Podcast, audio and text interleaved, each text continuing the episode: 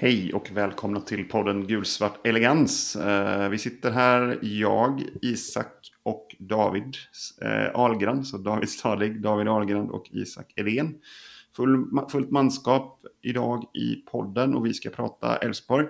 Det viktigaste som har hänt i Elfsborg är ju att eh, som ni alla vet spelade herrarna 1-1 mot eh, Malmö FF på Eleda stadion här i måndags.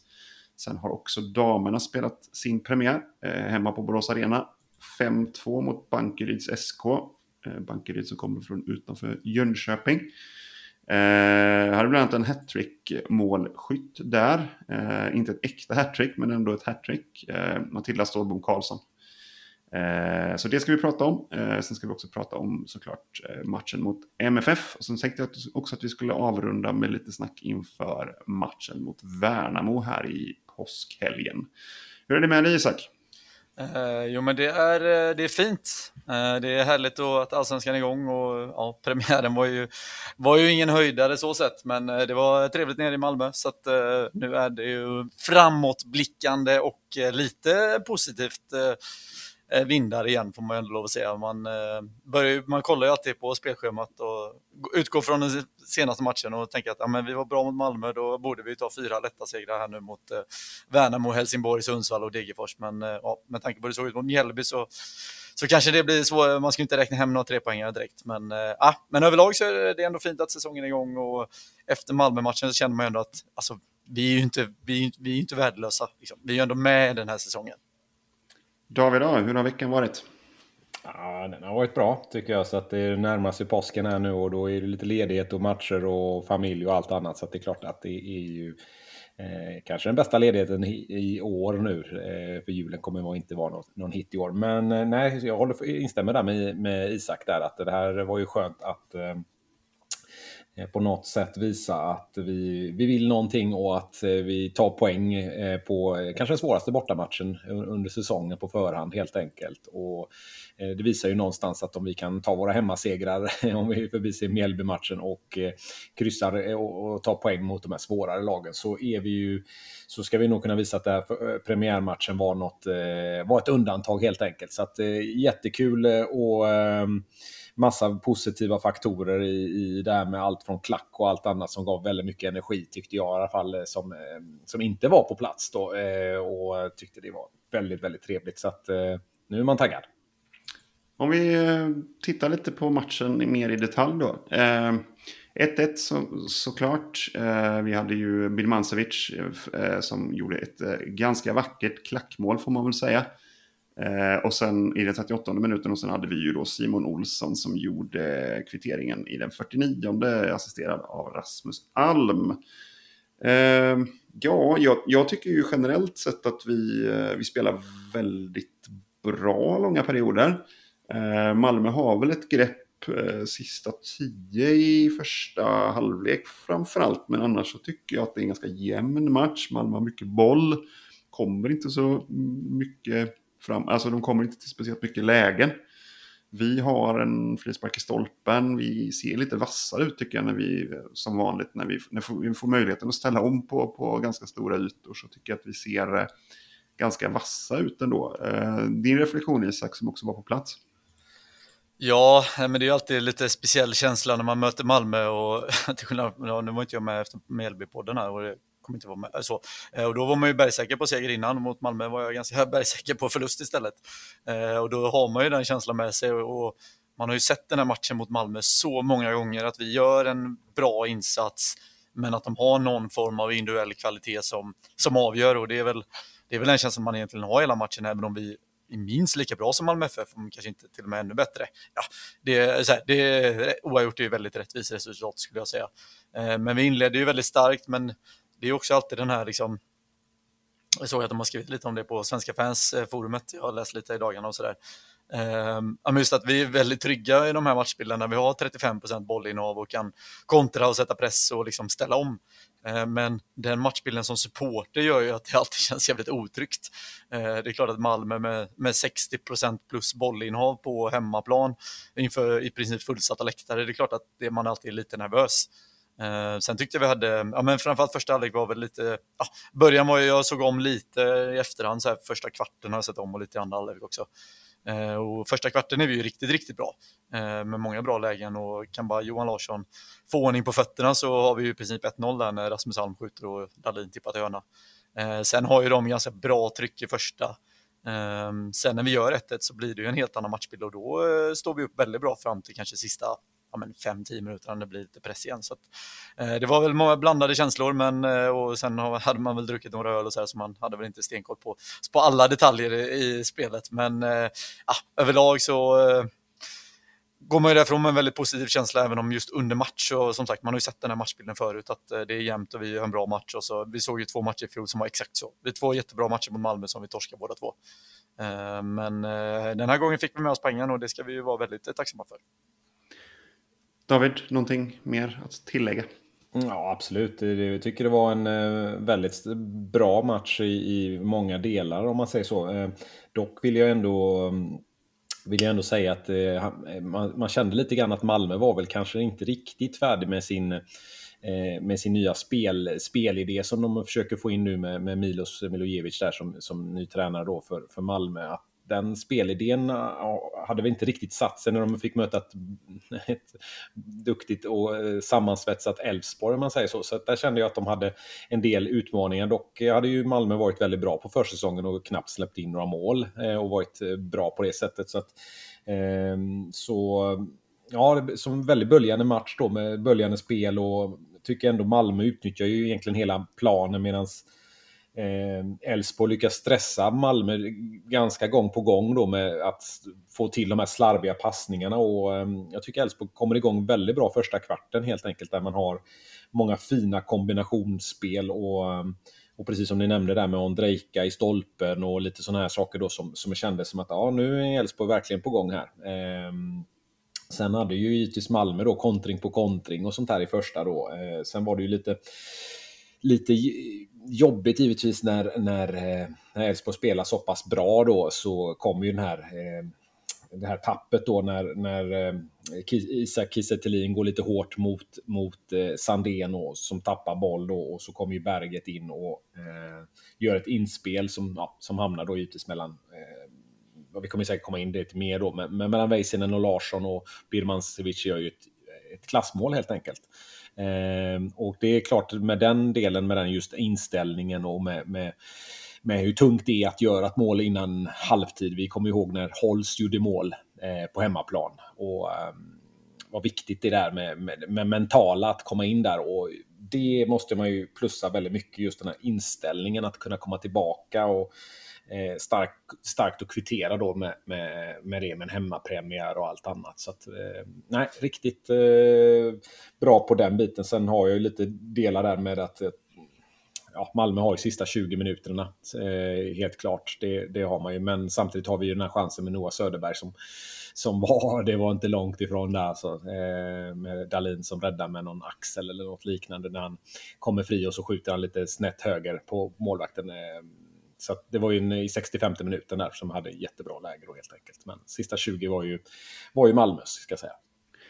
En grej eh, som jag reflekterade, dels är det ju även, precis som mot Bjällby, så var det ju några lite mer omdiskuterade situationer. Nu, nu var det väl inte riktigt som i Mjällby-matchen, tycker jag väl egentligen när man tittar på situationen igen, att vi kanske borde, att vi definitivt borde haft en straff för den matchen. Nu är det Eh, vatten under broarna någonstans. Vi kanske inte nämner det så mycket i förra podden för jag, jag tycker jag vill inte gå in på domarinsatserna för mycket. Och så där. Men det var några situationer ändå som stack ut i den där matchen och det har ju mycket att göra med att vi är ganska bra på att ta oss in i skallen hos motståndarna. Eh, vi har ju Christiansen som eh, ger en eh, rejäl eftersläng till Frick, Dobban upp i låret.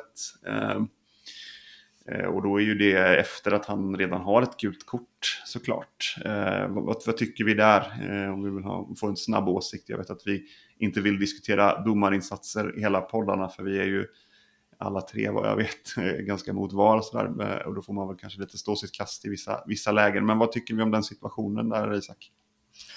Svårt att se på, se på live och sådär och man har sett den efterhand och det är klart att han, han kan väl absolut åka ut där samtidigt så farligt var det väl inte, men det är klart enligt regelboken alltså, så är det ju såklart att folk har fått gult kort för det här förr och hade han inte haft det. Hade han inte haft gult kort innan och hetat Anders Christiansen så kanske han hade fått, eh, fått ett gult kort i det läget. Och, man, man inser att han är ju lite som Sebastian Larsson, att man har ju så väldigt, väldigt svårt att eh, tycka om Anders Christiansen som motståndarsupporter för att han är så gnällig och grinig och klagar på domaren och allt det där. Och det, det tillhör ju spelare, så här, han gör ju det jävligt bra och det är en dukt, väldigt duktig fotbollsspelare. Så det, han kommer ju undan med mycket samtidigt som att det är en del av hans spelstil och förmodligen också varför han är så bra. Jag har hört lite olika diskussioner i veckan om att ja, men, eh, ska man Ska en arg spelare vara arg för att vara bra eller ska man kyla ner en arg spelare och så här, och det, ja, det vet inte jag, eh, de psykologiska effekterna, men det är klart att vi, eh, det var en tydlig, tydlig taktik från oss att ligga väldigt hårt på Anders Christiansen. Och dels eh, spelmässigt liksom att ta bort honom från Malmös offensiv, det är han som styr mycket på mittfältet där, men sen också just för att han är en hetsig spelare. Och jag menar med lite flyt så får vi ett rött kort på honom. Och han sa ju själv att det där kortet hemma, hämmade honom i matchen. Och det, de korten och de situationerna uppstår ju inte om vi inte ligger jävligt tätt och hårt på honom. Eh, och där är ju Per Frick, eh, han är ju mästare. Eh, han, är, han faller ju egentligen i samma kategori då, fast att han spelar Elfsborg. Uh, eh, ja, man fattar ju att motståndarsupportrar och spelare för den delen hatar Per Frick för att han är som han är på planen. Och det ska man ju vara tacksam för och det var ju som sagt med lite flyt så hade vi fått en utvisning på Anders Christiansen. Sen vet inte jag om det hade varit positivt, men, eh, eller det är det väl alltid, men ja, ni fattar. Har du någonting att tillägga där David? Angående, Nej, jag tycker han Isak tar det ganska bra. Sen är det ju givetvis väldigt onödigt sådär och jag förstår ju att om man har blivit lite nedmanglad av Frick så är man väl inte jätteglad. Men att sätta upp dobbarna på det sättet efteråt, alltså en sak om man hade liksom rört till honom med handen eller något annat, det är ju en sak. Men äh, det är onödigt, men det är ju så i, i, i hettan på en fotbollsplan så, så reagerar man instinktivt då så att eh, det kunde, kunde mycket väl ha blivit ett, ett kort där om, om eh, linjedomaren eller fjärdedomaren eller något liknande eh, hade uppmärksammat detta. Eh, men det är klart, eh, det skulle ha lite, domarna ska ha mycket, mycket där för att visa ut eh, eh ja, allsvenskans MVP i, i, de senaste åren om man säger så. så att, eh, men eh, jag hade inte förvånat mig. Sen blir man ju, det är klart man blir lite färgad också av hans, eh, eh hans intervju efter matchen och sådär. Att det är väldigt, eh, ja det är lite som vanligt att vi är ju alltid sämst på planeten enligt, eh, enligt eh, Christiansen. Så att det är ju liksom, alltså IF Elfsborg gör ju aldrig någonting bra någon gång mot Malmö. Eh, så har det ju varit de senaste intervjuerna. Han har ju uppenbarligen inga, inga stora tankar till övers för oss. Och det är ju rätt skönt på ett sätt. Sen är det klart att man tycker väl ibland att ah, när vi väl har liksom klättrat in i skallen på, på den där dansken så vill man ju ha honom utvisad också någon match. Eh, så att man kan använda det lite mer. Men vi får väl spara det till Borås Arena och, och eh, hoppas att han eh, att vi kan få honom lite ur balans även då. För jag tyckte att han, han var ganska spelmässigt ur balans i den matchen. Det var ingen, ingen jätteinsats av honom och jag tror att det är det han känner också, liksom, att det finns en frustration där. Och att vi liksom lite lyckas neutralisera honom. Sen eh, hade det varit, eh, varit fint att få eh, ett rött kort på honom också i den här matchen. Och det, det var nog inte långt bort i några andra situationer heller, för han var han var nästan, han var lite ur balans, framförallt precis innan halvlek, eller halv, halvtid, ursäkta. Eh, då var det, det var väl lite det här målet som räddade honom delvis. Att eh, hade inte det kommit där i det läget så hade vi fått se en ännu surare Christiansen och då hade vi nog antagligen fått ett rött kort i någon annan situation. Får jag ta det redan nu? Ja. Jag har inte ens skrivit upp det i körschemat, men alltså jag är så otroligt trött och lite irriterad också på den här jävla media, mediebevakningen som varit efter matchen. Eh, det är vi ofta i den här podden, eller jag är oftast arg på mediebevakningen kring IF Elfsborg. Men jag tycker, och Per Frick sa ju det direkt efter matchen, att säga, ja, men Malmö-supportrarna buar och det är respektlöst och de borde ju inse att så jävla bra är ju inte Malmö. Och, alltså att supportrar buar, det, det, det är ju egentligen sak samma. Det är ju deras, det är ju deras eh, rätt eller fel eller vad man nu vill eh, tycka om buandet och bua ut sitt eget lag. Men det har jag liksom inga synpunkter på. Men att liksom media, alltså glömmer av på något sätt att Elfsborg är topplag. Vi har slutat topp fyra två år i rad. Vi är liksom ett starkt bortalag, vi är ett jävligt bra gräslag. Vi gör en väldigt bra match, det är en jämn match som slutar 1-1.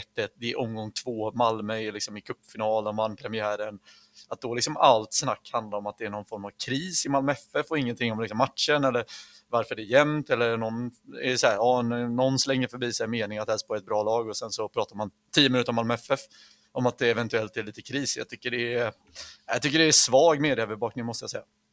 Nej, jag inst- sorry Stadig, jag instämmer helt eh, med, med Isak och jag tror de flesta som, som, som läser våra, eh, våra medier och allt annat eh, som är lite, lite som, som är hejar på det gula instämmer i den här. Jag tycker det är riktigt dåligt att man inte kan ha lite, lite bredare analys och sådär utan man kan inte bara vara så vinklat i alla delar utan det, det uppsträckning där krävs. Alltså man får ju ha lite från, från båda sidor och se att det ena laget har gjort det, gjorde det väldigt bra också som sagt. Så att eh, det är inte bara en, en väg där. Eh, så att jag håller med om den. Det, bara, det, det, skulle bara vara Malmö som var dåliga. Nu sa jag ju att jag tyckte att Malmö slarvade på vissa delar, vilket de gjorde förvisso. Men eh, samtidigt så, så, så, måste man ju se till hur, hur många bra grejer som Elfsborg gjorde på, på bortaplan också. Som sagt, ett lag som, eh, som vi vinner en gång på 25 bortaförsök. Eh, så att det är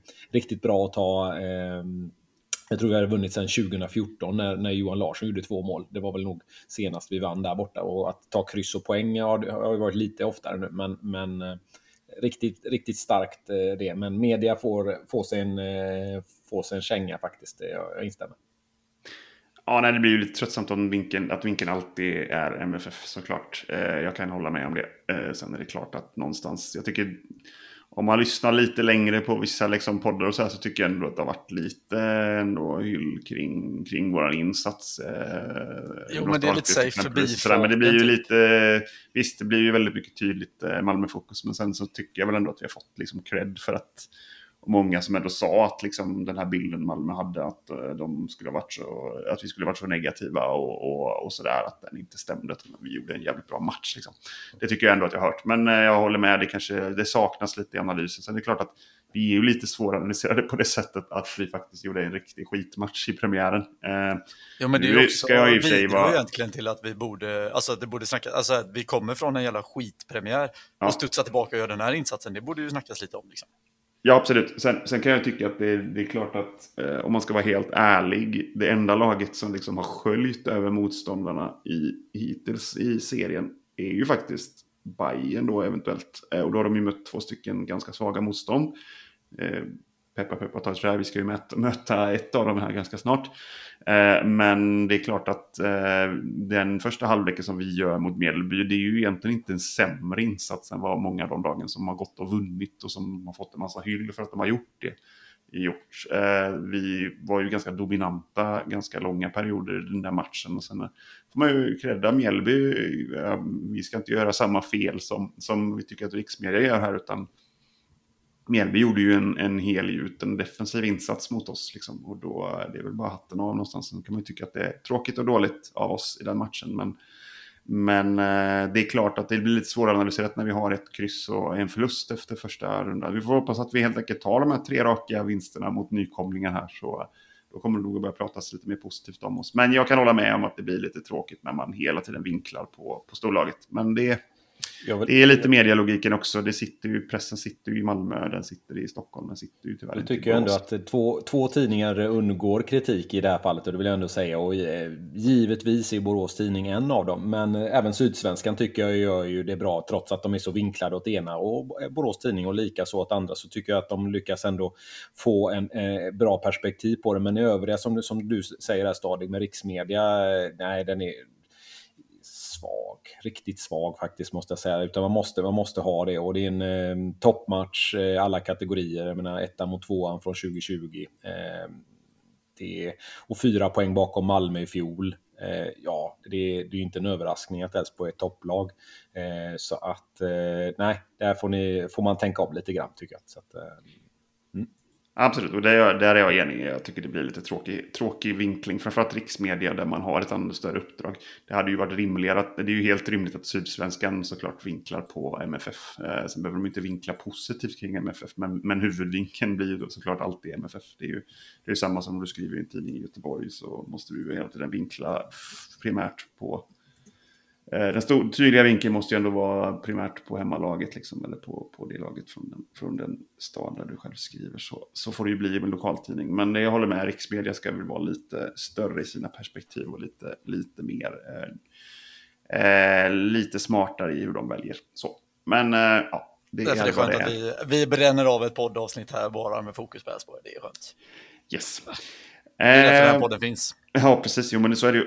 Eh, om vi rör oss lite till eh, de här eh, lite mer fasta punkterna i våran efter matchen-analys. Nämligen eh, betygen på de olika lagdelarna. Jag tänker vi, nu är det ju några, några dagar sedan matchen här, men jag tänker ändå att det är en så pass stor match där vi vill fokusera på, på, eh, på insatserna här. Så vi börjar väl som vanligt med Tim. Då börjar vi med Isak. Eh, men, eh, jag tycker Tim eh, gör en stabil insats. Eh, kommer ut vid något tillfälle är väl... Han har ju en liten, liten tendens att göra något litet halvmisstag ganska ofta tyvärr numera tycker jag. Eh, vi såg det ja, men mot Mjällby, vi såg det den här matchen, han var ute och missade någon boll som han fick springa ikapp och sådär. Ehm, eh, men överlag han gör ju någon riktigt bra räddning där på ett långskott över Rakip tror jag det är. Um, och ja, men, gör en stabil och bra insats. Målet är ju, det kan han ju såklart inte göra någonting åt. Så att, uh, ja, lite mer, lite mer pondus uh, om man ska vara lite, lite push på Tim tycker jag ändå att uh, han, han kan ännu bättre tycker jag faktiskt. Mm, ja, eh, sorry att jag inte kunde säga något innan, men jag tyckte faktiskt att han, eh, jag måste ju säga något annat här, jag tyckte faktiskt att han visade pondus. Jag tyckte att han var eh, stabil i och ändå eh, fick ju mycket glåpord från, eh, från Malmöklacken och sådär hela tiden, hetsa och sådär. Jag tycker att han eh, stod upp ganska bra. Givetvis håller jag med om den där tappet där som han fick jaga i bollen, men men i övrigt så tyckte jag att han var, gjorde, tog distansskotten, räckte ut dem, gav inte returer direkt heller så. Så att jag tyckte att han var jag tyckte det var ett klart steg uppåt eh, där. Så att, eh, ja, självklart. Alltså ja, så. så att, nej, jag tyckte att han var, jag tyckte han var stabil. Det var lite, lite landslagsfeeling på vissa, vissa detaljer. Inte allt, men vissa delar tyckte jag i allra högsta grad. Så att, mm. Ja, nej, jag, har, jag har inga invändningar. Jag håller väl med David där om, om eh, min bild av Tim i den här matchen.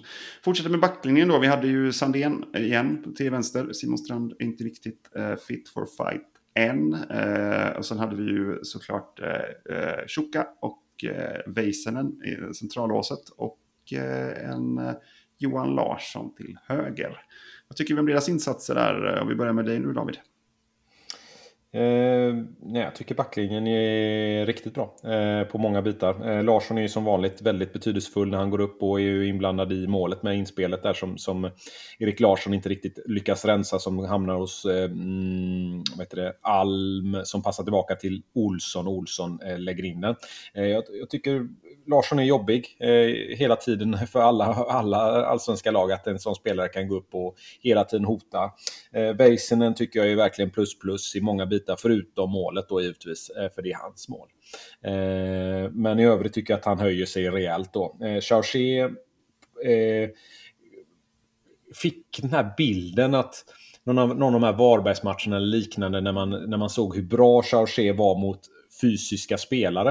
Eh, sen visste han hade ju tajt i vissa lägen där, men otroligt eh, fina uppspel tyckte jag. Eh, det, det kändes som att det var det här någon gång när vi, när vi pratade om Okomos fina uppspel och att, eh, eh att man gick upp där och han fick, han fick till det riktigt bra. och det det hade jag nästan glömt av, om man ska vara ärlig där. Men eh, Chargé kommer nog växa allt eftersom för varje match här nu då han får eh, mer speltid. Sandén lite skott utifrån eh, tycker jag är bra, delaktig och Eh, helt klart eh, väldigt roligt att se. Men han är ju tyvärr inblandad i, i det bolltappet då när han blir eh, nedmanglad av Isak Kiese då. Men eh, övrigt så tycker jag att Sandén är med och delaktig och eh, skott utifrån, siste man, snabbt med, startar upp fina uppspel. Eh, jättebra. Ja, men jag tycker Axén var inne på det innan match faktiskt, lite av det försnacket. Eh, ja, men just Alltså om, om Chachu eller Jarjoe som de uttalade i eh, Discovery, jag vet faktiskt inte vad man säger. Så att jag, jag säger Tjocka istället. Eh, att, ja, men just att han hade ju en riktig katastrofinsats mot Mjällby, det vet vi alla om. Ehm, men att han liksom, de här matcherna visar han ju att det, det är ju en väldigt bra mittback. Ehm, visst, det ser lite kantigt ut ibland och han hade någon, någon bollbehandling där som kunde gått åt skogen som han räddade upp och sen hade han några räder och så här, men han möter trots allt en av allsvenskans bästa forwards och tyngsta forwards. Eh, och ja, men, mu alltså musklar ju nästan ut eh, Isak Kiese i matchen. Eh, och det är inte många mittbackar i allsvenskan som gör. Så att han kanske passar, sådana här matcher passar han ju alldeles utmärkt och sen så har han väl lite tuffare mot sådana här speedkulor som Mamadou Moro och liknande spelare och då kanske vi kan spela Gurra eller Lagerbielke eh, någon gång eh, istället för att variera lite där. Men just mot de här stora fysiska anfallarna så är det ju guld att ha en spelare som, som Tjocka som verkligen kan eh, vinna kampen fysiskt. Eh, och sen så, ja, Leo, vad ska man säga, som, om vad som inte är sagt om Leo. Han är ju, ja, han är en gigant där bak och eh, styr undan det mesta och ja, eh, nu, han kanske missar på målet, det har jag faktiskt inte sett i efterhand. Men eh, han gör ju otroligt mycket bra saker i Leo så att, eh, det är ju bara att tacka och ta emot att han är kvar en, vår, hela vår säsongen. Ja, jag, eh, ja, totalt sett ändå sett till motstånd, sett till matchens dignitet, sett till pressen som ändå Malmö i vissa perioder sätter på så tycker jag att eh, även om vi inte ska överdriva hur bra de var i det offensiva spelet kan jag känna. Men, eh, men eh, det är klart, sett till det så tycker jag att vi gör en, de, de gör en bra insats, alla fyra där bak. Sen är det klart att det är ju en liten, eh, liten eh, han är lite långsam Väisänen ner i det läget när bollen går in. Han kanske ska täcka den ytan lite, lite snabbare. Eh, det, han, han, han hamnar lite, lite sent in i den, eh, i den ytan. Han täcker inte av den riktigt tillräckligt mycket. Och det, det räcker ju för att Malmö ska utnyttja det i det här läget. Och Birmancevic gör ju, gör ju det väldigt bra där också. Eh, Johan kanske också ska hinna med, men det är klart att man gör under 95 minuter mot Malmö så, så gör man ju något litet misstag och då gäller det ju att det inte blir utslagsgivande. Eh, så totalt sett så får man väl säga att det är, det är, det är en väldigt bra insats. Och Leo är ju väldigt duktig i uppspelsfas och lugn och trygg och, och sådär. Eh, Chuka eh, tycker jag faktiskt nästan övergränsar honom lite. Sen är det klart att han har någon bolltouch där när han är lite illa ute. Skulle mycket väl kunna åka på ett rött om han har otur. Men eh, samtidigt, eh, ja, det är väl också lite att man Han hade också från... en Maradona-rädd. Den var jävligt kul. Ja, precis. Och från förutsättningarna då, sett till förra matchen, så är det ju en extremt eh, rak kurva uppåt, får man ju, får man ju precis som ni påpekade säga. Eh, och man ska också komma ihåg att, eh, att Mauro har inte spelat eh, alls knappt under försäsongen. Han har varit skadad mycket och sådär. Och komma in och ändå göra det så pass bra när, när Gustav nu är borta och, och det inte riktigt finns konkurrensen. Nu är ju Lagerbjälke i och för sig med i konkurrensen absolut i högsta grad. Men, men ändå att det man var lite tvivlande innan matchen. Hur ska det här gå mot Malmö? Men han gjorde det väldigt bra. Sen som sagt Johan lite seg också det här med Birmancevic situationen där det blir mål. Det är ju det färgar ju lite grann men eh, han är ju eh, ruskigt stark eh, både offensivt och, och faktiskt också defensivt stora delar av den här matchen. Lite mer defensivt inriktad kanske än vanligt och gör det bra. Så att totalt sett bra men ja, han har gjort allt perfekt så han har väl hunnit ikapp Birmancevic i det där läget. Och sen eh, har vi ju Sandén som lite tuffare i det fysiska spelet den här matchen. Man märker att Malmö är ett steg upp när det gäller, när det, gäller det fysiska. Eh, och det är väl mycket det de har också som är...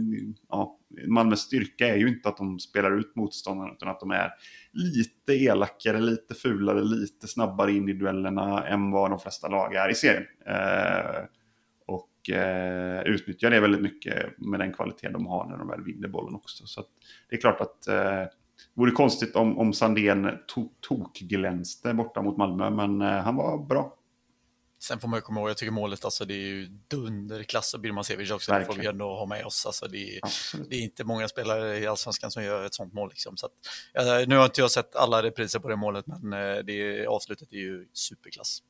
Det är mer, eh, Väisänens eh, del hade ju varit kanske täcka av ytan för inlägget lite, lite snabbare. Han var lite långsamt tillbaka där.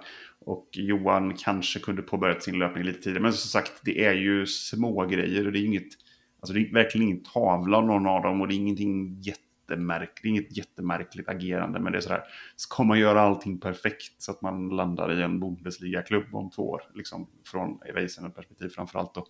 Så det är klart att då täcker man den ytan. Men eh, det, det, det är lite är. Mm. Nej, mentala pressen som var på backlinjen efter Mjällby-matchen visar ju ändå att det var väldigt bra eh, sätt att höja sig. Och jag tycker att man tog, ändå, tog de här ruscherna ändå på flera sätt. Jag vill ändå gilla, jag gillar den här Piqué-ruschen då, Gerald Piqué med Barcelona mittbacken där. Eh, Chargé gjorde ju, eh, som han har gjort några gånger, eh, om man har sett, man såg att han fick ju mer självförtroende allt efter matchen gick där. Så att, det var väldigt kul att just se den, eh, den delen, att man, man ändrade då från, från att vara så utsatt till att helt plötsligt vara eh, bland de bättre helt enkelt. Jag och Glenn försökte sätta några smeknamn under matchen där på, efter den raiden, men Chukadona, Chukadini, Chukera, det var lite svårt att hitta något, men eh, vi, vi jobbar på det. Chukaldinho. Exakt. Yes, om vi då fortsätter med mittfältet så eh, hade vi ju samma mittfält som vi börjar vänja oss vid, höll på, eh, höll på att säga. Men eh, det har vi väl inte riktigt. Men vi hade ju i alla fall André Römer i den hållande rollen. Och sen hade vi ju Noah Söderberg lite till höger, lite uppåt. Och sen hade vi eh, Simon Olsson såklart, eh, lite den, eh, den centrala, vänstra, lite mer offensiva, lite mer kreativa rollen. Vad tycker du då David, om deras insats i den här matchen? Jag tycker att den är bra. Eh, jag tycker att eh, Römer visar än en gång att han är otrolig bollvinnare. Eh, jag tycker att han är riktigt, riktigt bra. Jag börjar nästan säga att jag tycker att han är bäst i Allsvenskan på sin position. Schuller är ju väldigt bra i Djurgården tycker jag också. Men riktigt bra så länge han är på plan, de här 65 minuterna. Tycker att han är, ja, tills han får någon känning eller något liknande då. Då gör man väl en liten eh, sparar man honom helt enkelt och så slänger man in Boateng som jag tycker, eh, jag måste ändå fylla i den delen också, jag tycker att han gör också en jättefin, eh, lugn insats, väldigt trygg eh, Boateng där, så det kändes eh, också bra att han höjde sig i alla fall de eh, minuterna. Eh, Noah Söderberg tycker jag börjar väldigt nervöst, väldigt försiktig i sin, i, i sin, när han kommer in i det, väldigt safe eh, sådär, men ändå är det Noah Söderberg som är den spelaren som tar mest avslut idag. Och han hade ju ett jätteläge där i 30 minuten när det här eh, styrskottet där som jag tror inte riktigt eh, ja, hängde väl inte riktigt med där, eh, utan han ville väl bara vinkla bollen. Och det kunde ju ha blivit mål där, för att han deltog faktiskt inte i spelet däremot. Så att, och även den chansen som vi tog upp där innan i 65 minuten när han springer sig loss där och, och, nästan gör 2-1. Då. Så att Noah tycker jag höjer sig i matchen och han är ju på något sätt ändå en den överraskningen eh, trots allt nu, nu inom, i mitt tycke då de här två första matcherna att, att han är där och tar den platsen och visar att han är ett stort framtidslöfte. Så att det är kul att se en sån spelare då som, som påminner lite grann om Rodén i vissa eh, moment där med just med det här löpsteget då som jag gillar. Eh, så att eh, kul där. Olsson eh, eh, bra och kul att han är med och gör mål och är viktig i den delen. För det är ju de bitarna som, som Olsson är så viktig och så att eh, riktigt bra och kul att han, var, att han fullföljde den här eh, löpningen där och så att han så enkelt kunde göra eh, kvitteringsmålet. Ja, men jag tycker verkligen Simon Olsson lyfter sig i den här matchen och visar vilken, vilken klassspelare det är. Sen, sen, det är ju inte hans fel såklart och han gör, ju, han gör ju målet så att han är ju lite framåtlutad också. Men ibland blir vi lite, lite, det såg vi framförallt mot Mjällby och kanske de här matcherna när vi ska föra spelet, men det blir lite baktungt med Simon Olsson som just offensiv tia eftersom han är så van vid att vara steget bakom och liksom gå ner och hämta boll och sådär. Och där är han ju, alltså, ja, men det går inte att ta bollen av honom när han väl bestämmer sig för att ingen ska få ta bollen av sig. Eh, så att, eh, men, han, men han visar verkligen eh, stort eh, del av registret och kul som sagt att han får göra mål också, det behöver han ju. Även om det var någon som skojade att eh, det var inget skott i heller utan det var ju mer en passning som, som, som det blev mål på. Eh, så att, eh, kul att se Simon och eh, som du är inne på, Olian, Noah, alltså han tar ju bara kliv och kliv och känns ju ganska given där. Det även om Boateng gjorde ett väldigt fint inhopp så, så ska det mycket till att peta Noah. Sen eh, är ju det stora, stora orosmålet är ju vad, vad status är på André Römer. Eh, går ut skadad, såg väl lite halvskadad ut även i premiären. Nu har vi som tur är lite kanske matcher där vi ska väntas föra. Samtidigt så ser vi ju det är ju André Römer som vinner bollen innan 1-1 målet. Eh, snor bollen där av, eh, ja, nu vet jag inte, kommer inte ihåg vem det var. Eh, och ligger bakom anfallet som gör att vi kvitterar. Och så att han är ju väldigt viktig för vår offensiv också. Eh, och kan Noah, Boateng, Olsson täcka den, de kan de klara de myterna? Ja, det, det får vi se framåt om inte Römer kan starta matcherna. Så det, där, det är väldigt eh, lite oroande måste jag säga eh, med den fysiska statusen på André Römer. För det är ju, ja, som vi varit inne på hundra gånger här på det är ju vår viktigaste spelare. Eh, ja, nej, jag har inte så mycket att tillägga där. Jag tycker väl att eh, det är ganska tydligt. Olsson är ju alltid bäst på plan mot Malmö känns det ju som också. Eh, faktiskt. Eh, det, han har varit väldigt, väldigt, väldigt stark i de matcherna generellt. Och eh, i Malmö också liksom en av de spelarna som, som utmärkt sig i, i flera år i rad tycker jag, den matchen. Så eh, ja, väldigt bra. Och sen så tycker jag eh, att Söderberg har ju lite tuffare den här matchen och det, och det märks. Men det är kanske inte så jäkla märkligt heller. Så att jag tycker att det är liksom totalt sett en bra insats. Sen måste jag säga att jag tycker att Boateng gör ett jättebra inhopp. Eh, vilket är superkul för det har vi inte riktigt sett här på försäsongen. Så att jag är ändå försiktigt optimistisk kring, kring hans chanser också att få en del speltid här.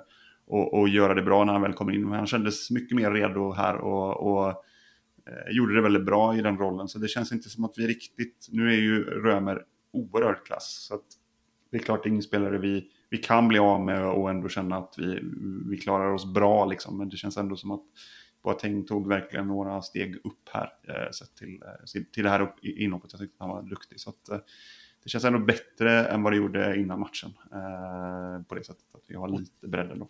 Otroligt fin passningsfot på Boateng alltså. Verkligen, och eh, också stark och lugn med boll och liksom vände bort i rätt lägen och, och såg rapp ut. Liksom, eh, vände förbi och stack och sådär någon gång med boll också. Så att, eh, och det har man inte riktigt sett. Det har man ju sett mycket i, han, i hans YouTube-klipp innan han gick till IF Elfsborg. Man har inte sett så mycket i IF Elfsborg om det, av det än så länge. Så jag hoppas att han eh, får skadefri här nu och, och, och kör på så, så kan det bli en, en eh, spetsspelare för oss också faktiskt. Så att, eh, det tycker jag var kul att se. Eh, om vi fortsätter uppåt i laget då så kollar vi på våran, våran treudd där framme. Nu hade vi lite en omfördelad sådan. vi hade ju Ondrejka som, som startade primärt vänster och så hade vi ju Frick på, på topp såklart. Och Rasmus Alm som tog höger ytterpositionen spontant måste jag säga att jag tyckte att det här funkade bättre. Jag tycker faktiskt att Ondrejka kom till sig rätt mycket mer från vänster och jag tycker att Alm gjorde en klart bättre match än vad jag har sett Ockels göra här under försäsong och cup och första matchen i allsvenskan. Håller ni med mig? Absolut. Man har ju glömt av, eh, eller glömt av er fel, men eh, Rasmus Alm har ju kommit väldigt mycket i skymundan på grund av att Ockels och Ondrejka och till viss del även Bernhardsson snott rubriker och speltid. Men han visar vilken otrolig klassspelare det är. Eh, och den speeden och liksom intimingen med Johan och Frick eh, och liksom löpningsviljan både framåt och bakåt är ju otroligt värdefullt för oss. Att, eh, ja, jag har väldigt svårt att se att Rasmus Alm inte kommer starta framöver. Mm, nej, det, är, det är ju som jag sagt flera gånger, det är olika matcher, olika spelartyper kan ju gå in och spela. Alm är ju väldigt duktig och gjort väldigt bra mot Malmö. En riktig favoritmotståndare för honom på något sätt. Eh, så att eh, han gör ju riktigt bra. Ondrejka tycker jag är bra. Han fullföljer mycket av sina löpningar och, och de här bitarna och gör ett bra, eh, en bra insats trots eh, den delen och, och blir utbytt då i 81 mot Ockels. Då. Eh, Alm får ju en assist, Frick får ju ett gult kort, hämnar honom lite grann, sen tröttnar han ju två gånger. Men jag tycker att det var klass när han gjorde andra gången han gick ner där och eh, tvingade till sig ett, byte, ett rakt byte där. Det tyckte jag var eh, det var rutinerat eh, som gjorde att han, eh, att, han, att han kunde ta det. Men eh, ja, jag tycker att de, de, de, står upp bra och visar den här direkta fotbollen som, som man kunde känna igen då framförallt från 2020 då att man eh, Malmö spelar någon form av kombination kontinentalfotboll och så kommer som är, alltså, och då menar jag passningsfotboll då helt enkelt när jag menar det. Eh, och eh, medan Elfsborg då spelar lite mer rakt, eh, direkt, eh, hela tiden jobbigt. Varje gång de tappar boll så, så var det. Så att eh, en sån här matchbild passade ju väldigt bra då. Så att, sen tycker jag ändå att Alm passar in i andra matcher också. Och gjorde ju väldigt bra säsong i fjol då, så att jag är inte direkt orolig där. Nej, då, nej, jag tycker generellt sett som sagt att det var, det, det var en bra insats, en stark insats av IF Elfsborg. Så hoppas att, att vi kan göra en, och kommer vi upp ungefär på den här nivån, även om det kommer bli någon helt annan typ av match såklart, så, så det är klart att då vinner vi mot Värnamo. Eh, det är ju känslan. Sen måste man bara snabbt, vi ska inte fastna där. Men mm. eh, kudos till Jimmy Thelin som ser att eh, den här matchen passar Rasmus Alm bättre samt ger Tjocka förtroende i den här matchen. Det, eh, jag tycker det är väldigt, väldigt bra coachat av Jimmy Thelin. Så att säga. Ja, jag trodde nog kanske inte på att Tjoka skulle få spela, men eh, han överbevisade mig och var ju bra idag. Eller bra idag, eh, i måndags. Så att eh, det... Hatten av verkligen. Eh, om vi tittar lite på matchens taco då. Det är en eh, saftig anrättning som eh, vi ju alla vill, eh, vill njuta av. Men eh, bara en kan få den, eller en företeelse möjligen. Vad säger du Isak? Ja, vem är matchens taco? Det finns många kandidater i en sån här match, men, eh, ja, men jag får nog ändå säga uh, ja, men jag säger Tjocka just på grund av den uh, Ja, vi ska inte såga hans insats för mycket mot Mjällby, men det är klart att han inte var nöjd med den och det, det, han var ju inte bra mot Mjällby, så är det ju. Eh, och att då liksom ha det självförtroendet och den förmågan att studsa tillbaka och göra en sån här kanonmatch. Eh, det kanske fanns andra som var, ja, inte vad vet jag, bättre och viktigare och gjorde mål, Simon Olsson gjorde mål och så här, men eh, att Tjocka visar att, det är en, att han är en mycket kompetent allsvensk mittback, det, det tycker jag förtjänar en tacos. Och min taco får eh, Simon Olsson den här matchen. Vad säger du David? Eh, nej, jag tyckte Isak sa det. Eh, jag tyckte den bollvinsten där i samband med målet för André Römer tyckte jag var... Eh, det var ju det som, som, som skapade den här kontringen och allt annat. Jag tyckte det var eh, yttersta klass på något sätt att man, att man lyckades få till det. Så eh, André Römer, så länge han var på plan, tyckte jag att han var eh, riktigt bra och sen det ska ändå sägas att Boateng var också riktigt bra när han kom in. Så att den går. Men däremot så vill jag ändå nämna den delen som jag, om man inte förbiser spelarna på plan så tycker jag ändå klacken hördes väldigt bra. Och jag såg den här tjocka flaggan och någon Suomi-flagga, en Finlandsflagga där. Eh, riktigt kul och, och, man, jag vet inte om eh, kameran och det var närmare då eh, eller inte, men det kändes inte så, utan den var det, utan att jag tyckte att klacken gav en, gjorde en rejäl, eh, eh hördes rejält bland de här 19 405. Eh, så att eh, det, det värmde hos mig i alla fall. Så att det, det ehm, utanför det så, så är det klackens insats där som jag tyckte var, eh, var riktigt, riktigt bra. Det, det värmde. Ja, man hörde lite på tv. Jag måste bara säga det på tal om klacken, nu var ju där såklart. Men, eh, såg det, det eh, Elfsborgskonto la ut det på eh, Twitter eh, och jag retweetade också med kommentar där. Men eh, otroligt härligt att se att vi har en eh, ja, 13-14-åring som bara går in och tar över trumman och, och bara kör. Även en bortamatch en vardag i, i Malmö. Eh, stod även vid trumman vid hemmamatchen senast. Eh, otroligt kul att se att återväxten är så, så pass stark i Elfsborgsled just nu att, och att det bubblar av eh, mycket bra saker och mycket positiva saker på framförallt en ståplats. Eh, det är mycket snack om våra publiksiffror, vi ska komma in på det sen också, men eh, därför är det extra kul att se att eh, vi har en ja, 13-14-åring som bara går in och tar trumman borta mot Malmö och kör det hur, hur bra som helst. Så det han förtjänar dubbla tacos. Grymt. Va, vad säger du om pytten David? Har du någonting, någon som ska få den i nyllet? Uh, nah, det... Nej, det, är väl, eh, det, det, kan vi, det kan vi inte ge på en sån här match. Men det är klart att man eh, hoppas ju så att man, att man orkar stå upp och att man inte är så orädd i eh, så sätt i vissa, vissa moment. Men eh, samtidigt så tycker jag att Elfsborgarna visar att man är orädda i, i den här matchen. Så att, eh, man på något sätt visar att man studsar tillbaka och visar att man vill någonting och man vill... Eh, det spelar ingen roll vilket lag man är, vi går in och tar tre poäng borta och, och då måste man vara påkopplad från, från början och då, då får man inte underskatta andra lag eh, som man gjorde mot Mjällby då. Så att, eh, eh, inställning tycker jag är, är, A och O och det visar man eh, i perioder men det kunde, ha, eh, det kunde ha slutat illa då de sista 20 minuterna. Säger du Isak? Ja, matchens pytt. Det är väl att matchen spelades på en måndag och inte en söndag kanske. Eh, det hade varit härligt att få en söndagspremiär nere i Malmö. Då hade det kanske varit dubbla antalet på ståplats. Eh, men eh, ja, matchens pytt, det är väl... Ja, han kan väl få den, Anders Christiansen, för hans intervju efter matchen. Ja, jag tycker han kan väl få en... en om du slänger pytten så slänger jag rödbetorna då. Så Nej, jag tar, eh, tar också Christiansen. Det är, det är väl vad det är. Jag tycker att det är Det är lite härligt på något också. sätt också. Men man, det är bra att ha de här spelarna som man, man kanske inte uppskattar så mycket i, i, i motståndarlaget. Det är, det ger en krydda till livet någonstans där också. Men eh, absolut en pytt på honom. Eh, om vi fortsätter lite grann, om vi lämnar den här matchen lite, så var det ju också så att eh, damerna hade sin eh, premiär här också. Eh, och eh, det blev 5-2 mot Bankeryd, som vi pratade om innan. Eh, Hattrick av Matilda Stålbol Karlsson. Gjorde ett tidigt mål, 50 minuter redan. Och sen så ett i 45 och ett i 67. Eh, Sara Jarnving och Johanna Kalinski Kölqvist gjorde också mål för gult. Eh, såg också en hel del eh, bilder och videoupptagning från matchen att det var en hel del guliganer på plats. Eh, tyvärr inte jag. Någon av er som var på plats, eh, killar? Tyvärr inte. Jag var nere i Malmö och åkte ner en dag tidigare. Så att, jag var inte på plats. Nej. Jag hörde också att det är lite, lite satsning på gång eh, sista helgen april tror jag vi möter Ulricehamn borta där. Eh, så det blir väl en liten bortaresa där som jag förstod det. Det var en hel del eh, aktivt folk som skulle åka dit. Så jag får se om jag kanske kan få till det också. Det är min, min födelseort så det hade varit något att, att åka dit och kolla på IF Elfsborg spela fotboll på det som kunde varit min gamla, gamla barndomsarena, men den är ju nybyggd uppe på berget där istället för nere vid där det nu är motorväg. Så att de har flyttat på arenan i Ulricehamn där, men det skulle ändå vara kul att åka dit. Så att det får jag satsa på.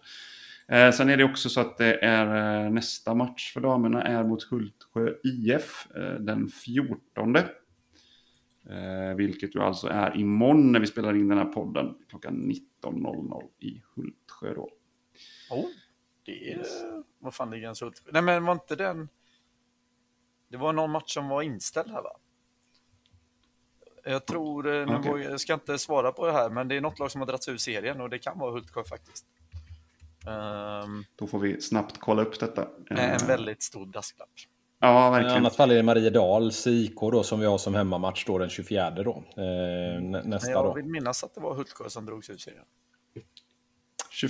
24 Mariedal då i alla fall. Ja. Eh, då vet vi någonting om att, matchen, eh, att det är någon match imorgon, men det är i och för sig Elfsborg inte så bra på att lägga ut de här sakerna. Så. Det vi kan ändå säga att det var ju den bästa möjliga start och det är ju mm. otroligt viktigt just för tjejerna och för, för alla det att man vill någonting med division 2. Det har vi ju sagt att Elfsborg har gjort det väldigt, väldigt bra och eh, jag pratade med en spelare som de hade i eh, Allingsås FC som spelade i Elitettan som han hade på träningsmatchen här eh, och frågade eh, henne då lite grann. Hon vill inte uppge sitt namn, men eh, menade på att eh, Elfsborg spelade som ett division 1-lag, tyckte hon. Eh, och det var ju väldigt glädjande att höra och det var ju helt neutralt eh, så att Elfsborg spelade väldigt bra mot dem då och sådär. Så att det känns ju väldigt förtroendegivande när, när, när spelare som är två serier upp i princip säger det om IF Elfsborg då. Så att så att vi är kanon att få den här första segern och ge den här energin till, till tjejerna och allihopa att man vill det här och att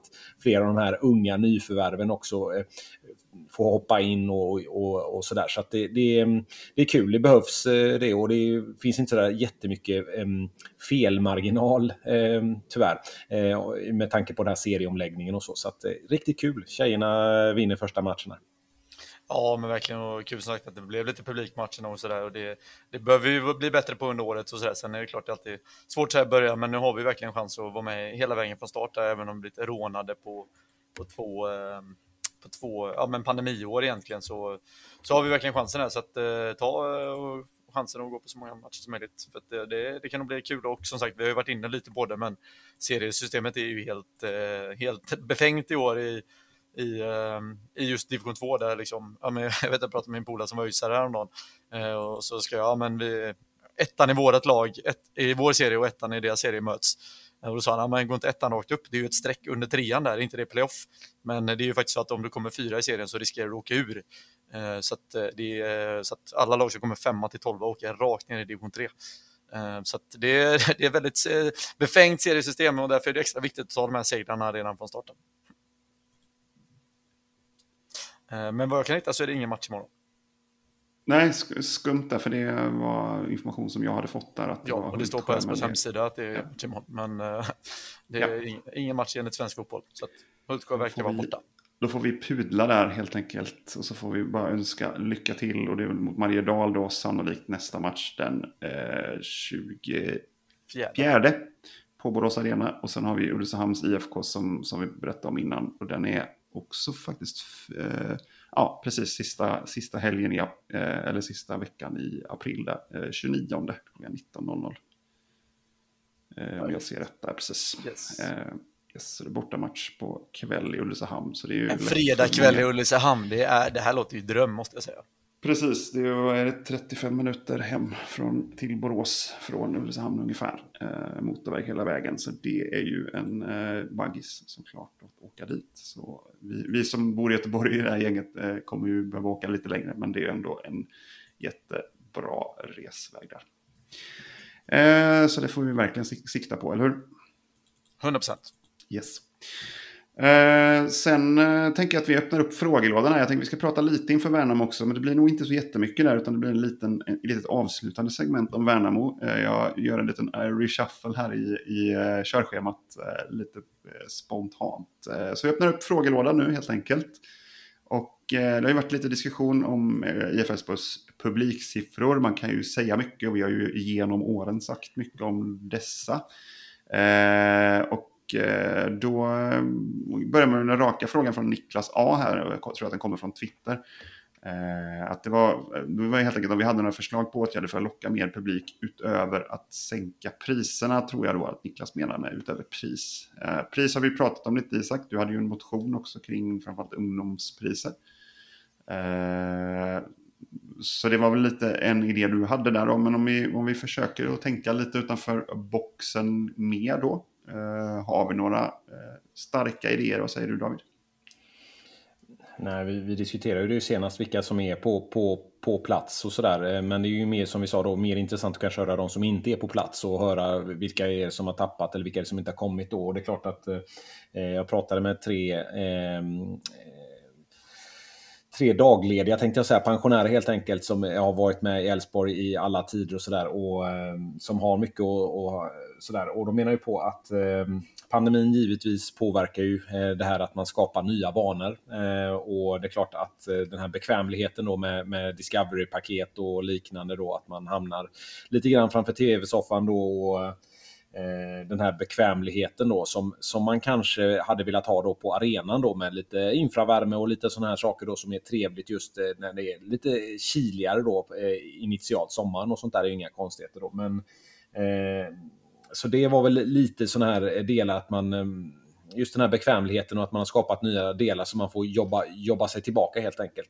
Upplever de, de, ehm, det äldre gardet helt enkelt som, är, som har, givetvis har ju väldigt mycket att eh, tillägga men de har gjort det. Så det, det, fick man ju en, en, eh, en, känsla. Sen var det ju givetvis den här bengaldiskussionen då eh, som har varit där med, med så. Men, och det är ju lite delat var, var, var, var man står men ehm, det är ändå viktigt att man, att man att man på något sätt visar att det här är en att vi vill ta tag i den här publikfrågan på riktigt. Vi vill verkligen jogga tillbaka våra, få tillbaka våra, våran publik och eh, vi kan väl påstå att en, en premiärsiffra på 4800 är, ingen kan ju vara nöjd på den. Eh, med, med det. 300 till och med var det David, så det var ännu värre. Eh, tyvärr. Ja, så kan det vara. Yes. Ja, men jag tror mycket handlar, alltså, vi ska inte prata bengaler här tänker jag, men alltså mycket handlar lite om att sätta narrativ, eller narrativet är ju ett jävla inord, men eh, liksom bilden av vad det är. Liksom, vi kan prata om att det saknas, att det är 4-3 på matchen och helt tomt på sittplats. Eh, men vi kan också prata om att det är över 1000 pers på Älvsborgsläktaren, ganska välfyllt. Vi blev, vårt tifo blev hyllat i Sportbladet idag. Det var en jävla bra stämning. Vi skickade två bussar en vardag till Malmö fyllt en buss till Helsingborg i, i talande stund. Eh, förhoppningsvis blir det två bussar även där än vad det Alltså det handlar om att liksom vända bilden tror jag. Det är klart att de här kommer det fyra insändare i Borås Tidning om att, eh, ingen, att det är livsfarligt att gå på Elfsborg, att ingen går på Elfsborg på grund av att det bränns en bengal eller två. Eh, Alltså det, det, är klart, då blir det ju det som snacket som sätts ut i, liksom bland folk i fikarummen.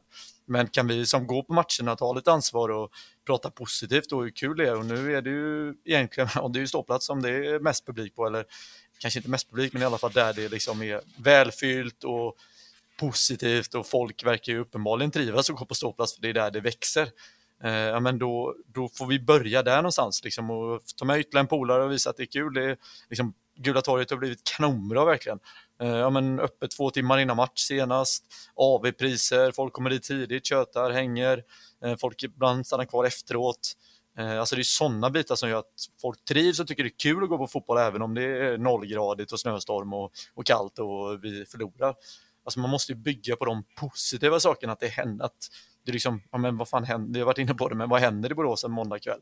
Nej, det kan inte hända så mycket i Borås. Om, alltså, om Elfsborg spelar så är det ju det som, som folk ska snacka om och det, jag tror det är där vi måste någonstans börja med oss själva. Sen finns det ju tusen grejer för Elfsborg att göra med marknadsundersökningar och liksom prata med folk och se över priser och liksom, ja, få någon form av seriebiljettskampanj och ja, men liknande sådär. Men i grund och botten handlar det om att vi som är där behöver liksom prata positivt om upplevelsen för att det är åtminstone jävligt kul att gå på ståplats just nu. Eh, och jag sa det innan, men alltså den här ungdomssatsningen som vi har gjort på ståplats, både från Guliganer men också ska faktiskt ha lite cred med, med framtidskortet och sådär, att det är över liksom 200 pers under 18 som har årskort. Eh, det är ju hur bra som helst för liksom, återväxten och de kanske drar med sina polare för att det snackas ju ännu mer bland eh, högstadiekids och lågstadieungdomar och gymnasieungdomar. Eh, där är det ännu lättare att få med sig folk och verkligen sätta en långsiktig eh, vilja att gå på IF Elfsborg och sen få med sina föräldrar eller andra och sådär. Eh, eller att de kommer hem och är helt lyriska och det smittar av sig på deras föräldrar som, som pratar med några grannar eller kompisar eller ja, vad det nu kan vara. Liksom. Eh, så jag tror det handlar mycket om att liksom, Stefan Andreasson säger det, ja, men prata om stämningen istället för antalet publik. Alltså, vi vet att vi inte kommer fylla Borås Arena närmsta, närmsta, ja, förrän vi kanske är en guldstrid i höst i bästa fall, liksom. ja, om ens då. Utan vi vet att det kommer vara 4 000 nästa match mot Värnamo, men kan vi ha 1000 pers på ståplats även då? Ja, det är ju kanonbra. Eh, och så får vi växa därifrån. Eh, jag tror inte man ska stirra sig blind på det faktiska antalet här i början, för att vi vet att det, det kommer vara superdåliga publiksiffror. Och låt då media och utomstående kritisera dem, utan vi får väl göra det vi kan och det är att liksom försöka dra med sin polare eller sin granne eller sin partner eller förälder eller vad det nu kan vara och se till att ha jävligt kul när vi väl är där, för det är så man får publik till arenan. Ja, men jag är helt enig och jag, jag är också med dig Isak på att vi kanske inte ska göra det här till en stor bengaldiskussion. Vi fick dock en fråga som jag tänker att åtminstone ska beröra och det var från eh, en Isak eh, på Twitter. Ja, det var jag som skickade in under synonym. Ja, det var inte Isak Edén här utan det är eh, en annan Isak helt enkelt. Men ja, det har ju varit några insändare i BT tydligen då. Ja, om, fyra stycken. Som, ja, precis. Tre eller fyra stycken som har varit inne i BT. Eh, om att bengalerna är anledningen till att läktarna gapar tomma. Eh, och då kommer frågan, kan det bli ett problem på riktigt? Eller är det bara några sura Facebook-gubbar som vill ha något gemensamt att gnälla på?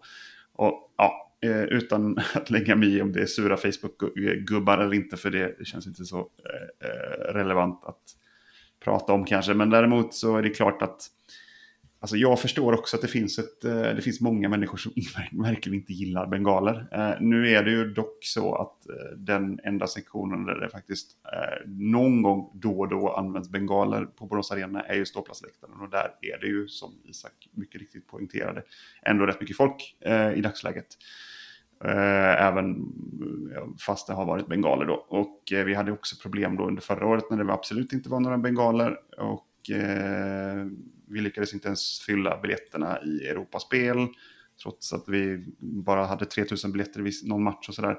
Att, eh, väldigt tydliga restriktioner och eh, vi har ju inte lyckats nu efter att covid-restriktionerna har släppts heller på, på sittplats. Så det är klart att det finns problem och jag, jag är helt säker på att det finns människor som, som undviker att gå på arenan på grund av bengaler. Jag tror att dessa, den, den andelen är nog mer baserat på att man har en åsikt som kanske inte riktigt korrelerar med, med den upplevelse man faktiskt har på plats. För, för nio gånger av tio så är det ju inga bengaler eh, och eh, de gångerna det är bengaler så är de ju knappast på sitt plats. Man har ju, man kan ju, man kan ju, det finns ju platser på Borås Arena som är 100 meter från närmsta bengal eh, och de är ju tomma. Så att det jag säger, att, jag säger inte att det inte finns människor som har starka åsikter om bengaler, för det vet vi alla att det finns eh, både för och emot. Eh, personligen tycker jag att de eh, är, ja, det är ett inslag som, som jag eh, kan uppskatta.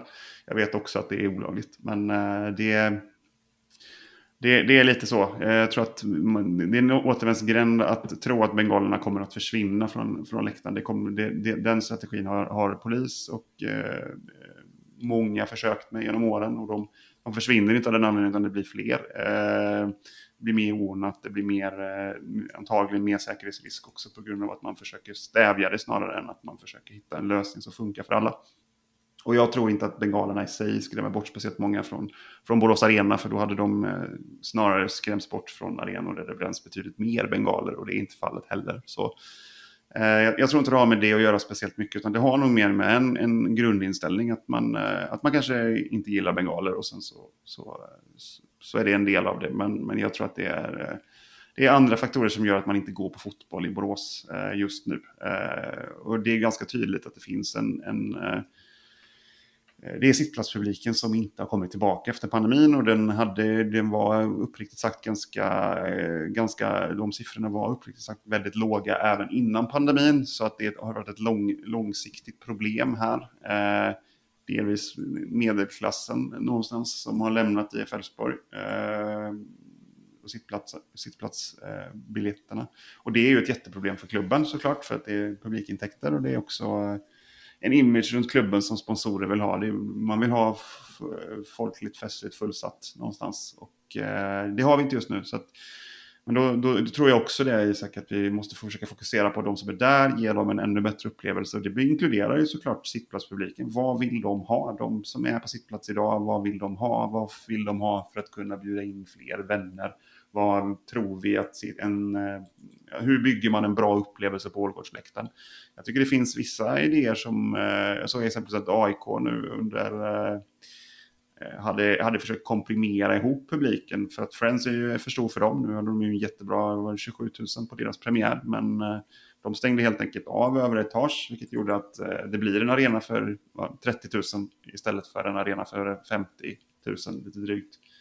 Eh, så skulle man faktiskt kunna fundera på att göra även på Borås Arena. Att man eh, stänger ner över etage. Eh, jag vet att det finns många som har säsongskortsbiljetter där uppe så det blir ju en, en lösning som man, får, som man får förankra på ett vettigt sätt. För återigen, vi ska ju lyssna på den publik som är där. Men det skulle kunna vara någonting kanske. Försöka komprimera, få en lite bättre upplevelse, en lite mer social upplevelse när man går på fotboll, även på sittplats. Kanske, de kanske också behöver en, en bra hamburgerrestaurang i läktaren, en bra bar, en eh, bra mingelutrymme, precis som vi har fått på Gula torget nu, fast kanske på eh, lite annat sätt eh, eftersom det är lite mer in, eh, ombonat och inne där i, i, i läktaren kan man kanske göra lite andra saker än vad man kan göra på Gula torget. Så att, eh, jag tror att det är det man måste jobba med, man måste verkligen fokusera på den publik vi faktiskt har på plats nu och se till så att de får en så bra upplevelse som möjligt och därför vill komma tillbaka. Jag tror inte att det har så jättemycket att göra med bengaler egentligen, utan det har mer att göra med att det finns en, en trend just nu liksom med vikande publiksiffror i, i Borås och att vi haft en åldrande publik i ganska många år som, som tyvärr inte har kommit tillbaka efter pandemin. Det blir en lång utläggning här, men eh, David, vill, du, vill ja. du lägga till någonting?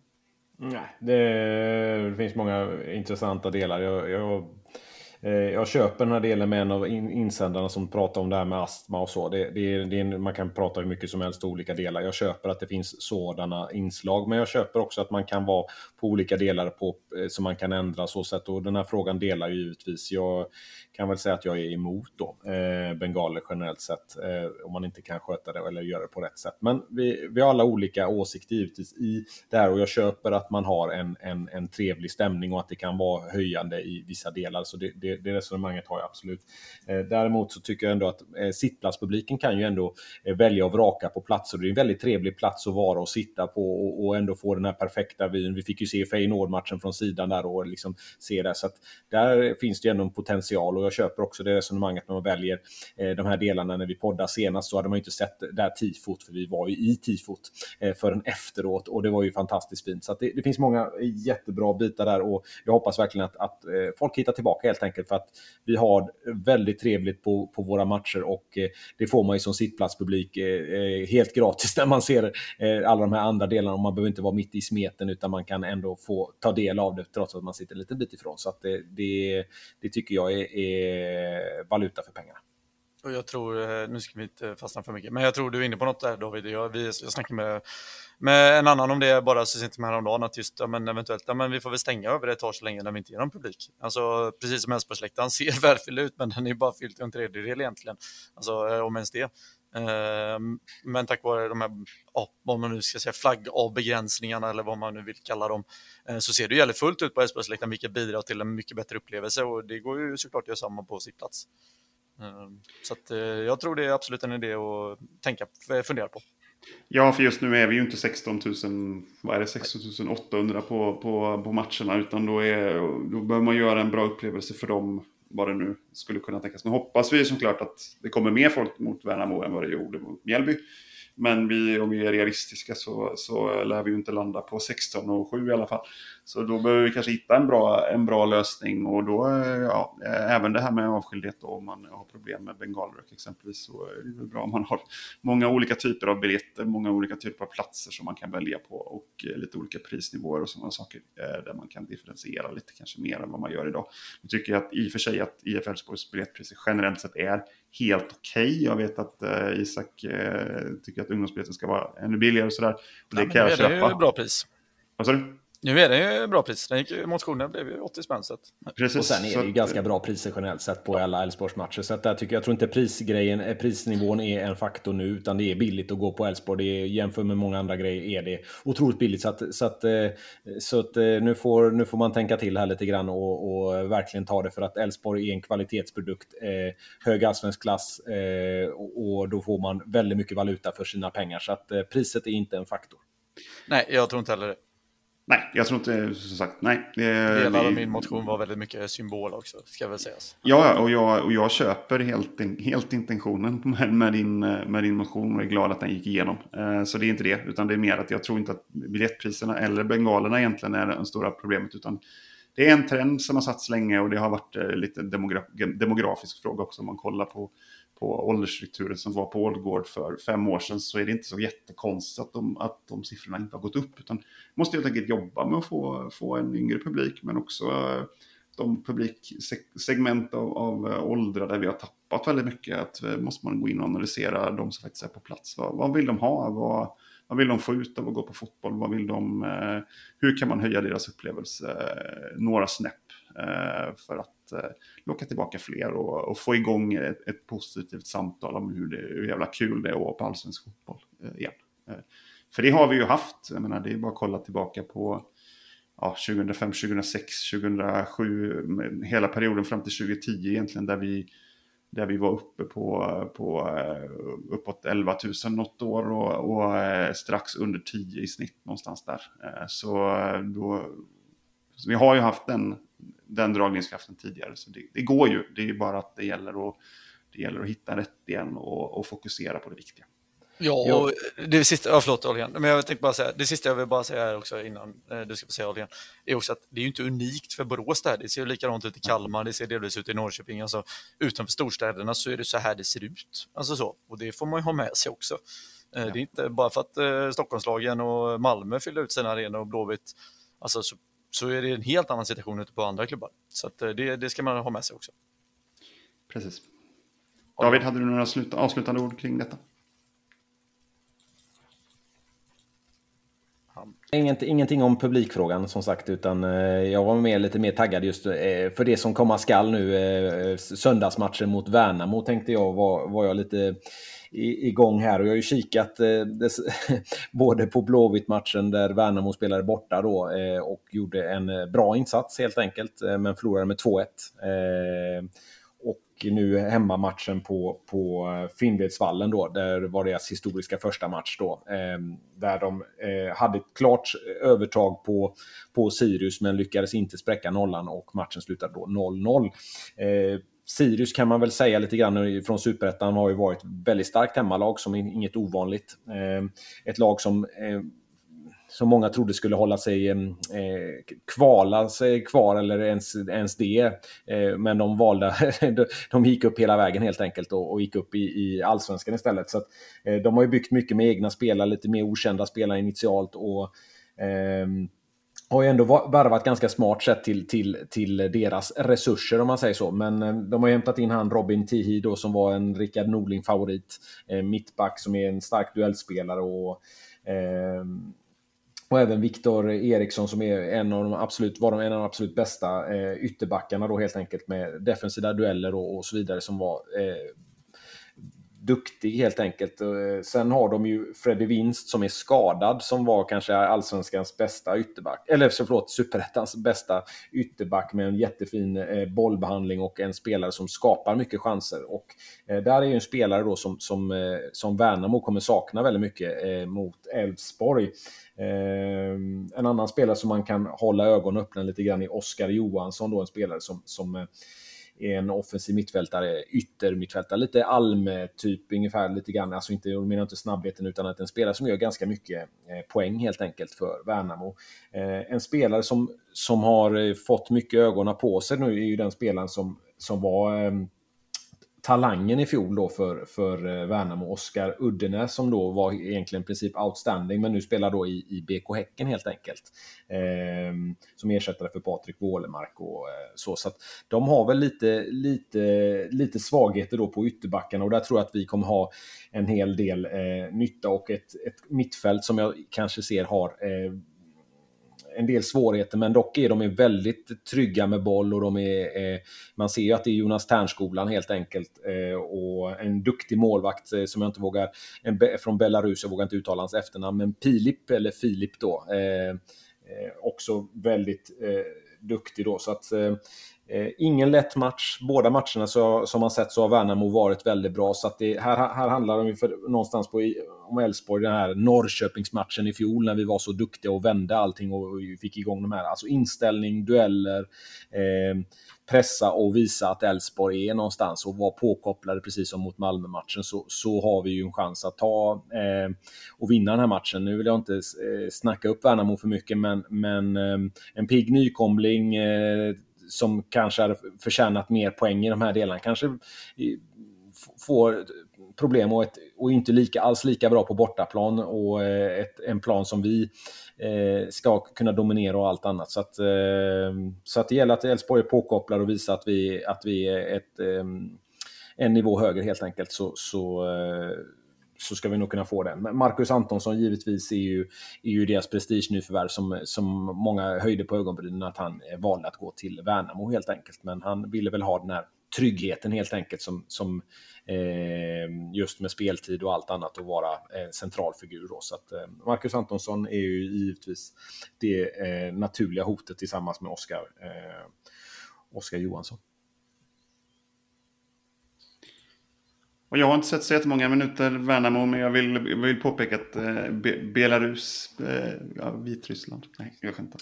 Nej, det var ingenting, jag behöver inte lägga till någonting mer. Jag sett, eh, såg lite grann matchen mot Blåvitt. Ja, eh, Sirius-matchen eh, tittar jag inte alls på tyvärr. Eh, så jag har inte så mycket att tillägga mer än att jag tycker att jag tittade på ganska mycket i Superettan i, i fjol. Eh, och då var det ju eh, ganska tydligt att det var kanske inte ett lag där man hade individuella spelare som stack ut speciellt mycket, utan det var ju väldigt starkt kollektiv. Det var ganska många spelare med, med fin grundteknik och eh, väl, eh, liksom, väl avvägd eh, väl avvägt lagspel, ganska offensiva var de, men det, var ändå, det fanns ändå en, en, en framåtrörelse. Det var inget lag som stod och, och trillade boll heller, utan det var ganska var ganska effektiv fotboll stundtals. Jag tycker Uddenäs var riktigt, riktigt duktig, men han gick ju till BK Häcken som, som vi alla vet och där gör han ju det väldigt bra. Så att eh, eh det, är, det är ju ett ganska starkt kollektivt och kollektivt kanske på ett lite oortodoxt eh, ortodoxt eh, sätt kollektiv. Mer, mer ett liksom, eh, ganska skönspelande lag eh, kollektiv eh, där det inte är så mycket individualism utan mer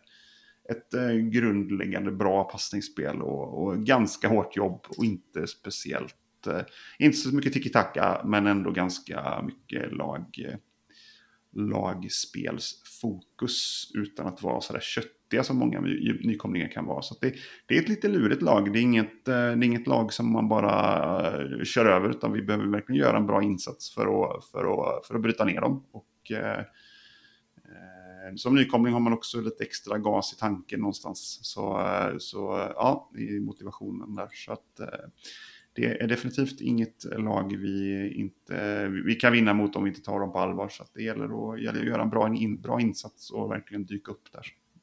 Så är det verkligen. Men nu är det verkligen dags att, att rivstarta den här säsongen. Eh, vi måste ju egentligen, ja, men det ska vara tre raka segrar nu. Värnamo, Helsingborg och eh, Sundsvall. Och det, det, är klart det inte bara, precis som Malmö inte kan ställa ut skorna mot oss Eh, och vi tror att de vinner och buar för att de inte gör det så kan inte vi ställa ut skorna mot Värnamo heller och tro att vi vinner lätt. Men eh, ska vi vara med och faktiskt toppen här nu så, eh, så är det dags att bygga vidare på den här insatsen från Malmö och verkligen trumma igång benen här nu för att nu behöver trepoängarna trilla in här innan eh, de lite svåra bortamatcherna eh, börjar om, om några omgångar. Nu har vi ett kanonschema framåt så med tre raka nykomlingar och det är klart det är alltid svårt att möta nykomlingar i början men, men eh, som sagt det, det ska ju vara massor av poäng här närmsta fyra matcherna. Så är det.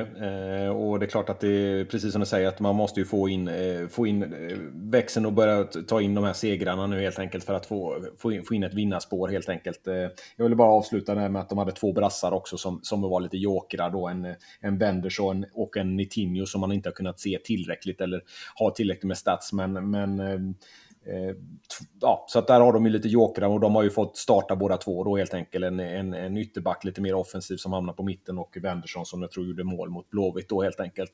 Eh, kvitterade där. Eh, så att de har ju Eh, Eh, de har ju ändå en del spelare då som helt enkelt är, är, man inte vet riktigt och de har ju som sagt varit en, en riktig plantskola med massa duktiga spelare. Allt från, om vi tittar på våra Elfsborgare då, allt från Jebali, Viktor Claesson, Hult med flera då som, som har varit och sen har de ju en drös andra spelare som har eh, landat i andra klubbar då. Så att, eh, det kan ju vara så att några av de här spelarna kommer vara väldigt attraktiva när säsongen är slut för det är ju en del av Värnamo hur de fostrar och, och tar upp spelare. Så det, det, vill man ändå lite, eh, tycker man gör väldigt bra eh, utifrån det, sina, eh, sina resurser. Yes, nej absolut, vi får inte underskatta dem, men det är klart att vi, eh, vi ska vinna den här matchen. Och då, men då behöver vi göra en bra insats, eh, så är det ju. Jag tror att vi nöjer oss där killar. Det blev en väldigt lång podd idag, vilket är naturligt såklart när vi har lite två matcher att prata om, tre matcher att prata om om vi räknar in damernas match där också. Så, eh, och det har hänt en hel del här i veckan. Så, eh, men vi kommer att höras igen eh, ganska snart här. Vi hoppas direkt efter Värnamo-matchen. Så får ni ha det fint här, en fin påsk och hoppas att den kröns med en Elfsborgs seger mot Värnamo här. Något att tillägga killar? Hej Jule! Framåt för seger! Slätta!